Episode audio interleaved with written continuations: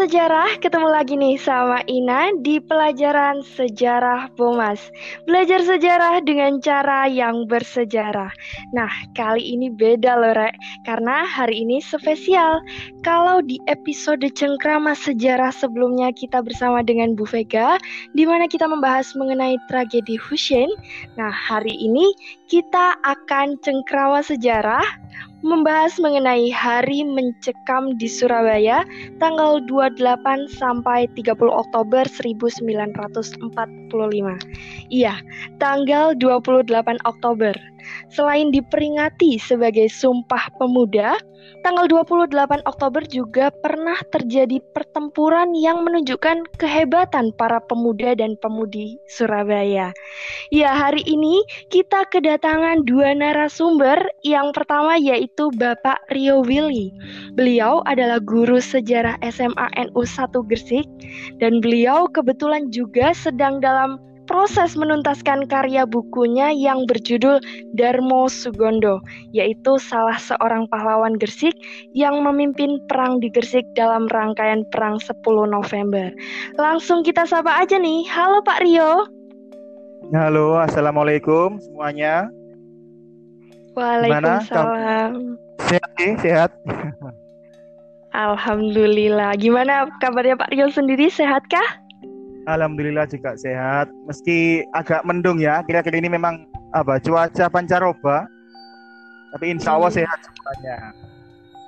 Oke, alhamdulillah. Nah, narasumber kita selanjutnya yaitu guru sejarah kita, guru sejarah SMA Negeri 1 Kebomas, yaitu Bapak Ali Murtado. Beliau penulis buku Battle of Greece tahun 1945 sampai 1947. Kita sapa aja langsung. Halo Pak Al. Ya, halo. Bagaimana Pak kabarnya hari ini? Ya sama seperti Pak Rio meskipun pancaroba alhamdulillah sehat. Alhamdulillah.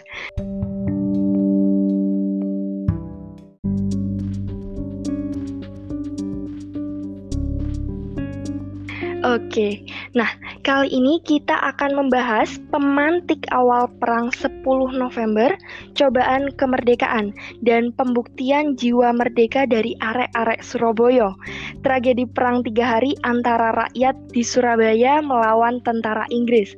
Seperti yang kita tahu nih, Inggris sebagai pihak sekutu yang memenangkan Perang Dunia Kedua memboyong pasukan ke Indonesia untuk melucuti tentara Jepang dan memulangkannya sebagai konsekuensi kekalahan dalam Perang Dunia Kedua. Di Surabaya, tentara yang berjumlah 6 ribuan pasukan datang dalam kuartal terakhir bulan Oktober.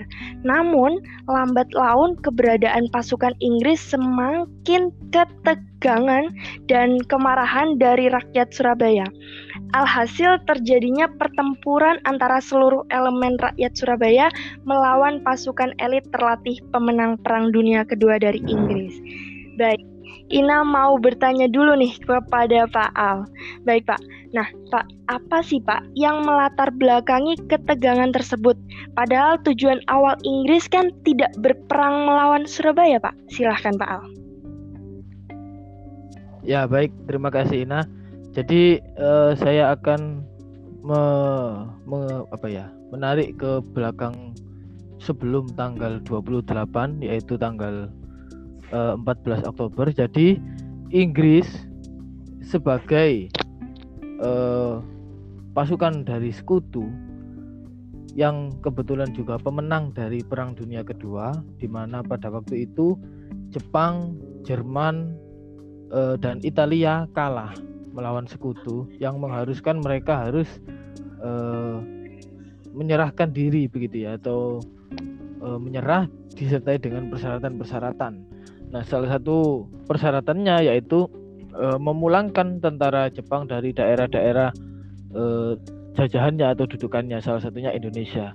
Nah, untuk misi itu Inggris datang ke Indonesia dengan misi seperti itu di bawah e, naungan dari SEAC. Itu nama nama kayak organisasinya begitu ya. SEAC di mana pasukan yang mendarat yaitu dari divisi India ke-23 dari brigade ke-29. di bawah pimpinan Brigadir Jenderal AWS Malabi dan jumlahnya sekitar 6.000 prajurit bersenjata lengkap. Itu e, direncanakan mendarat di Surabaya pada tanggal 14 Oktober 1945. E, sebelumnya sudah mereka sudah mendarat di Jakarta atau di ya di Jakarta dan tidak ada dalam arti tidak ada clash ya, tidak ada kendala dalam usaha pelucutan tentara Jepang tidak begitu ada uh, clash. Nah, namun pendaratan di Surabaya baru bisa berjalan resmi pada tanggal 25 Oktober. Inggris mendarat di Surabaya tanpa perlawanan apa pun. Namun uh, apa ya? Di apa? Maksudnya itu dari pihak pemerintah Surabaya itu tidak tidak ada uh, dalam arti menolak kedatangannya. Jadi mener, menerima dengan baik karena sesuai dari instruksi dari Soekarno sebagai presiden uh, Surabaya sesuai dengan misi dari Inggris harus menyambut baik kedatangan brigade ke-29 itu. Namun berbeda dengan rakyat. Iya. Jadi beda, ada perbedaan. Jadi ada pemerintahan, ada e, rakyat. Kalau pemerintah menyambut dengan baik, namun rakyat merespon dengan e, rakyat Surabaya di, atau di sekitaran Surabaya merespon dengan memegang senjata, bersiap. Jadi periode ini disebut periode bersiap mereka iya. memegang senjata mengelilingi eh, jalan-jalan uh, yang dilewati oleh tentara Inggris. Itu secara mental itu agak agak menyinggung. Bagaimana? Bagaimanapun Inggris sebagai negara, tentaranya itu uh, pemenang perang dan uh, ke Surabaya juga uh, misinya itu tidak memerangi Surabaya begitu. Nah, namun ada faktor yang membuat rakyat itu bersiap membawa senjata ketika kedatangan Inggris, yaitu dikarenakan adanya sikap dari Rapwi. Rapwi itu orang Belanda atau organisasi Belanda yang memicu tragedi perobekan bendera di Hotel Yamato.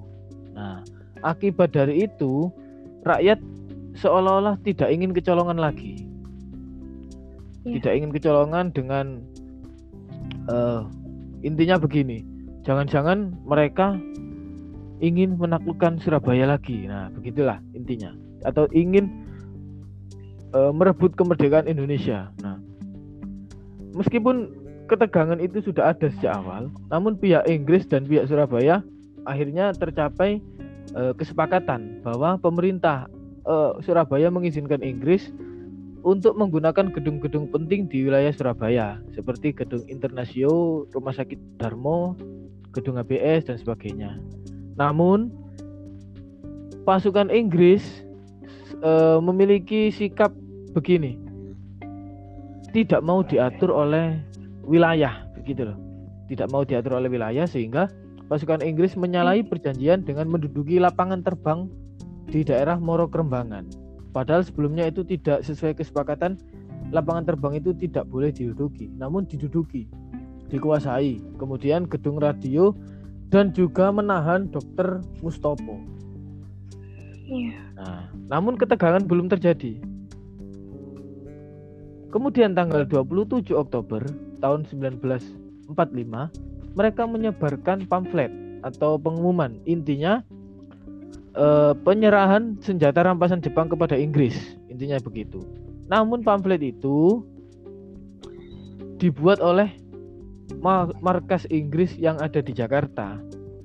Jadi tidak dari tentara Inggris di Surabaya tapi dari markas besar Inggris di Jakarta. Intinya itu orang Surabaya yang memegang senjata Jepang harus diserahkan dirampas oleh Inggris itulah menjadi awal kemarahan e, rakyat Surabaya.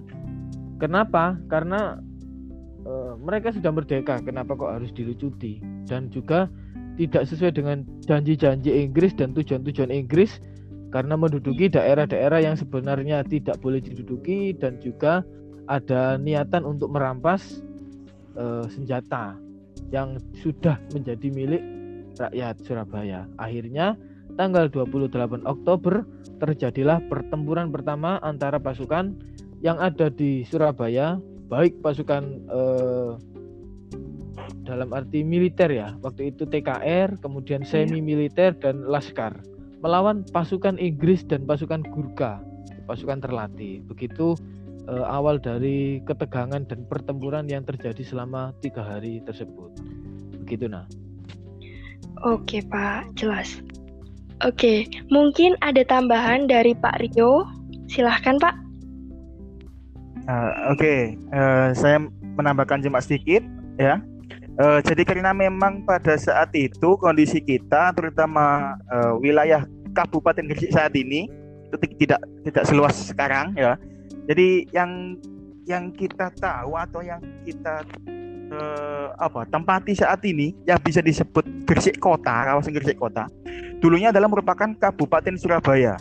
Nah, jadi uh, mau tidak mau uh, nantinya pasti wilayah Gresik Kota ini juga pasti akan dikuasai oleh Inggris. Nah, tadi kan Pak Ali sudah mengatakan bahwasanya Inggris itu tidak mau terikat sama wilayah, tidak mau terikat iya. wilayah. Jadi uh, nantinya akan menjadi daerah perluasan seperti Sentolang, terus kemudian alun-alun bersih itu juga dijadikan sebagai apa walaupun tidak dikuasai secara penuh, tapi di uh, ketika tentara-tentara Inggris tadi berpatroli, terus kemudian melakukan kegiatan militerisasi, itu pasti ujung-ujungnya itu di sentulan, sentulan, mangan uh, pojokan istilahnya kayak gitu. Jadi sampai ke alun-alun kota Gresik saat ini. Nah, di situ mau tidak mau beberapa elemen masyarakat yang sudah disebutkan Pak Ali juga ada tiga elemen masyarakat orang-orang militer, orang-orang semi militer dan juga para laskar-laskar termasuk Hizbullah di uh, laskar Hizbullah di Kabupaten Gresik itu juga akhirnya mau tidak mau harus mempertahankan daerah kekuasaan mereka. Nah, jadi kita mempertahankan daerah kita Nah, bagaimana caranya? Nanti mereka akan membentuk BKR, membentuk barisan ini, barisan ini, kompi ini, kompi satu, dua, tiga, dikepalai olehnya, seperti itu. Nah, mungkin singkat saja dulu nanti uh, biar uh, tak kembalikan lagi ke Mbak Ina lagi. Iya, terima kasih Pak Rio. Baik Pak Al. Nah, Pak, kabarnya kan dalam serangkaian perang ini bahkan menewaskan Brigjen Malabi dan beberapa jenderal lainnya. Bagaimana itu, Pak?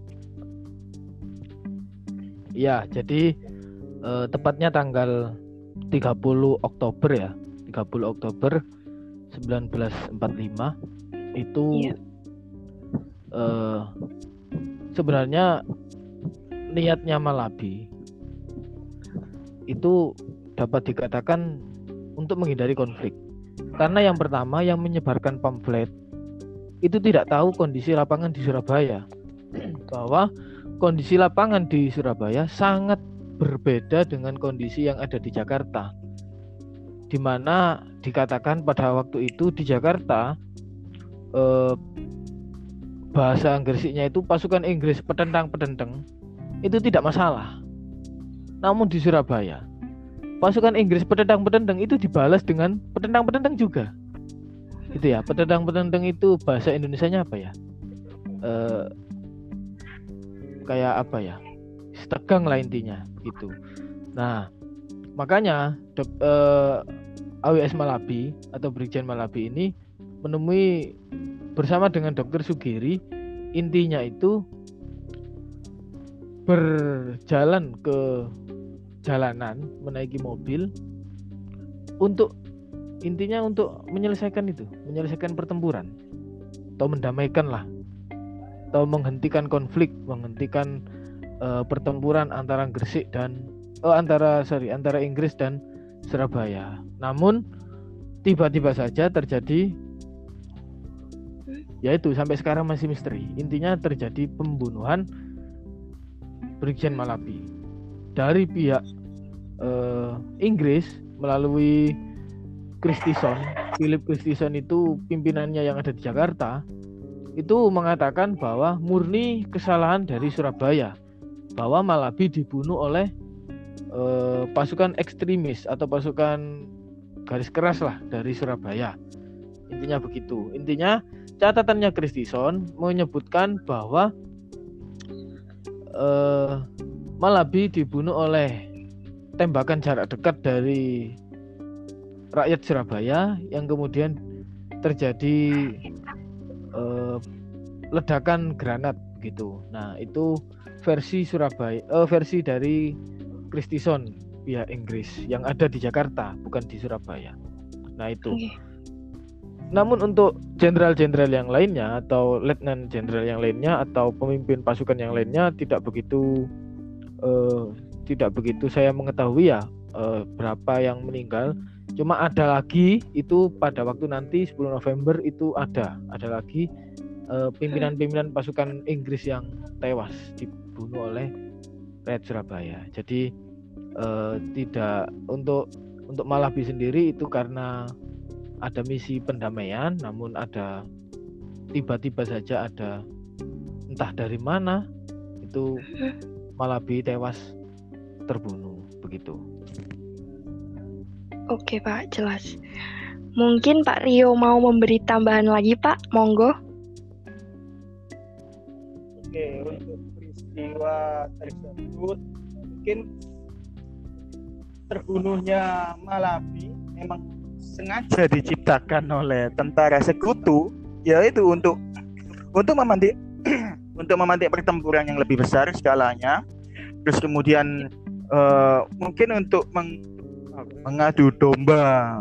Bahwasanya iki lo Surabaya iki kayak gini kurang ajar nanggone Inggris. Padahal Inggris bermaksud untuk melucuti Jepang. Nah ngomongnya kan gitu. Bisa jadi adalah untuk menutupi kedoknya Inggris tadi ya berkedok untuk menguasai kembali sebenarnya dengan alibi untuk melucuti Jepang. Nah, dengan iya. terbunuhnya Malabi mau tidak mau kan nanti memantik pertempuran yang lebih besar. Ya nanti uh, entah uh, para pemimpin sekutu murka bagaimana. Jadi uh, menurut saya pribadi dengan terbunuhnya Malabi itu menjadi pemantik utama. Jadi apa istilahnya kayak propaganda lah. Propaganda yang memang yeah. dilakukan oleh pihak sekutu sendiri. Kalau itu menurut pandangan saya. Oke, baik. Sekarang Ina mau bertanya kepada Pak Rio nih. Nah Pak, kan Gersik kan dulunya menjadi daerah penyanggah mobilisasi pasukan bantuan menuju Surabaya. Apa peranan rakyat Gersik Pak saat perang tiga hari tersebut Pak? Nah, untuk uh, jika kita uh, berbicara mengenai apa peran Gresik dalam peristiwa tiga hari tersebut, Menurut saya pribadi dan menurut data-data yang saya peroleh, eh, peran Gresik itu sangat penting ya. Jadi untuk mencegah meluasnya eh, kekuasaan dari tentara sekutu, kita ngomongnya kekuasaan ya, karena memang ini, ini rebutan. Jadi gini gini, eh, pasca pasca pertempuran di hari tersebut, kita juga mengalami kekalahan.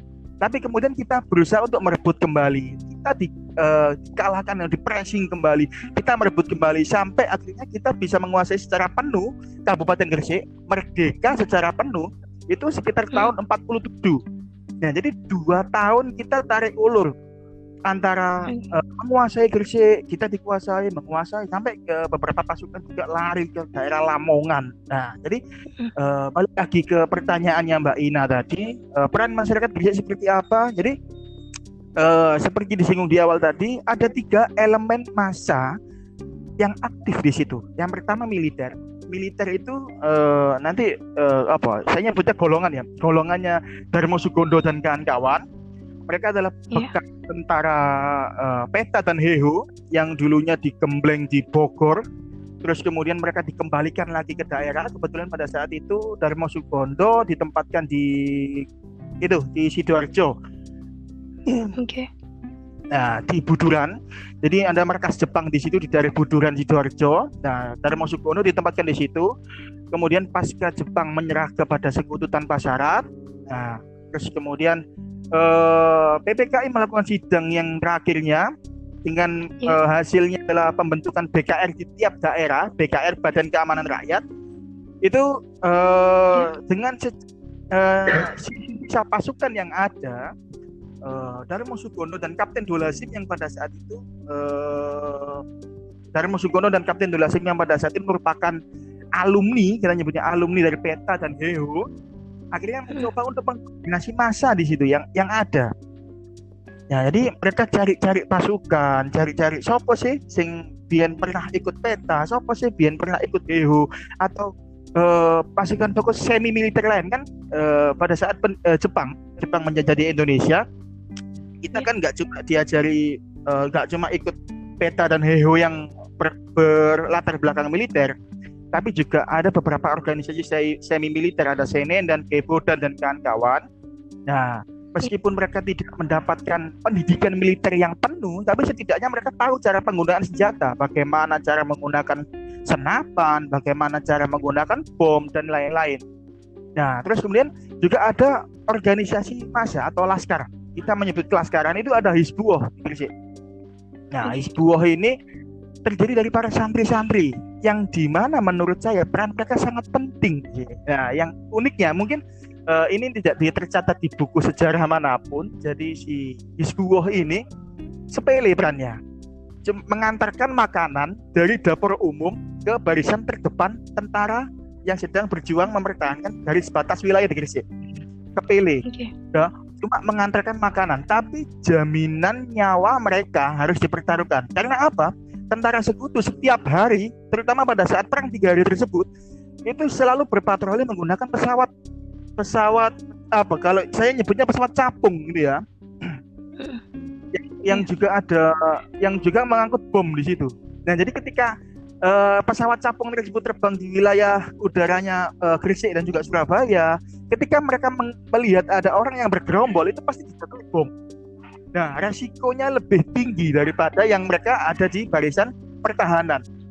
Nah, para isu juga mengenai seperti itu. Nah, terus kemudian uh, beberapa masyarakat Gresik ketika nantinya pada periode akhir pasca perang tiga hari yang uh, sangat menguras tenaga, terus menghabiskan banyak nyawa, harta benda dan lainnya, itu beberapa pasukan dari barisan tiga, barisannya Darmo Sukondo dan kawan-kawan itu sampai lari ke wilayah Lamongan. Bukan lari ya memang disuruh oleh pada saat itu pemimpin apa pemimpin militer tertinggi uh, Pak Kono atau sekarang kita kenal dengan Maijen Chung Kono itu menyarankan bahwasanya barisan kedua dan ketiga yang ada di wilayah Kalitangi Kalitangi itu Sukoromadu dan yeah. juga di, uh, di wilayah Kalianak itu barisan kedua dipimpin oleh Kapten Dolasim itu disuruh mundur uh, meninggalkan pos-posnya. Nah, jadi iya. sisa barisan keempat itu dipimpin oleh uh, Kapten Markahim namanya. Itu di wilayah Surabaya Jabakota. Jadi wilayah Surabaya Jabakota itu kalau tidak salah uh, wilayah Cerme dan sekitarnya situ. Nah, jadi yang uh, memang jalur untuk si Inggris masuk ke Kabupaten Gresik sengaja kita buka Tujuannya adalah iya. untuk melindungi untuk melindungi pasukan-pasukan dari barisan kedua dan barisan ketiga ini tadi. Nah, uh, barisan ketiga yang dipimpin Darmo Sugondo itu lari sampai eh, dilarikan sampai ke uh, wilayah Lamongan dan juga wilayah Sedayu, Kawat Danan Sedayu. Dulu Sedayu belum ikut Gresik ya, jadi masih Kawat Danan sendiri.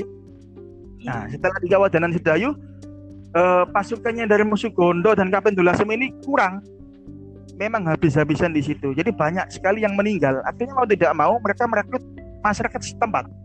Jadi para pemuda-pemuda yang memang tidak punya basic militer sama sekali, mereka yang bersedia untuk istilahnya kalau kita sebut berjihad untuk perang melawan sekutu itu ya, diberi fasilitasi.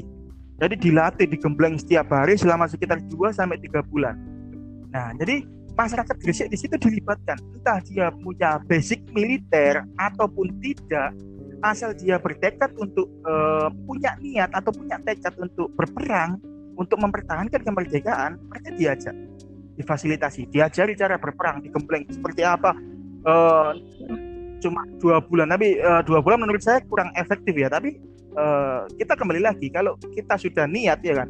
Uh, opo jari niat? Ya newis nawa itu yeah. itu istilahnya ono eh jalan teko uh, jalan dari Tuhan itu ada saja pokoknya. Seperti itu. Nah, jadi oh. orang-orang sipil tadi diberi uh, terus kemudian diajak berperang. Nah dan terus mereka tuh uh, apa orang-orang tua terus kemudian para orang tua dari pasukan tersebut itu malah merestui malah uh, bangga. Mereka justru bangga ketika anaknya ikut ikut terlibat dalam peperangan tersebut Nah, kebanyakan seperti itu. Makanya tidak tidak tidak susah untuk untuk para uh, para pasukan dari uh, dari musuh Kondo dan juga Kapten Tulasim untuk menghimpun pasukan lagi itu nggak susah. Nah, karena memang ada, ada kebanggaan sendiri ketika kita berjuang berperang kita ada kebanggaan sendiri di situ. Jadi uh, untuk bagaimana peran masyarakat Gresik ya seperti itu. Uh, kita bangga ikut berperang, kita dilibatkan dalam perang tersebut kita uh, justru lebih bangga. Nah, Oke, baik Pak. Terima kasih penjelasannya. Nah, mungkin Pak Al ada tambahan sedikit, Pak. Silakan.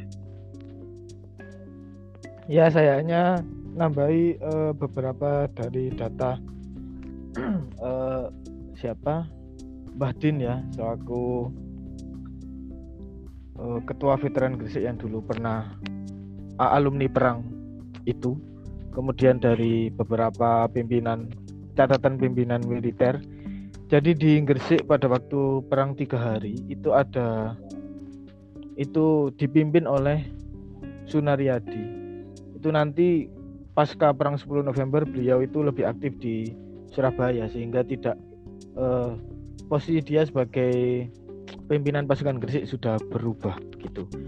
Intinya batalion yang dipimpin oleh Sunaryadi yang memimpin Gresik ini yeah. dibagi menjadi empat wilayah itu tambahannya kemudian eh, jika dikatakan eh, peranan tentara Gresik itu yang ada tambahan dari saya ini khusus untuk TKR ya bukan untuk Laskar karena datanya ini data TKR jadi TKR Gresik yang dari Gresik itu ya. punya tugas yang seperti yang disampaikan Pak Rio salah satunya pimpinan dari Markahim hmm. itu memimpin atau menghadapi musuh di wilayah Koblen Kemudian eh, TKR yang berada di sekitaran Gresik arah Surabaya daerah eh, Tanjung Perak. Jadi eh, jalanan Surabaya Gresik di sekitar Perak menuju eh, Kalitangi ya perbatasan Gresik. Itu bertugas untuk mengadang iring-iringan tank dari arah Perak dan bertugas untuk merebut lapangan udara uh, wilayah Morokrembangan. Itu tambahan dari saya.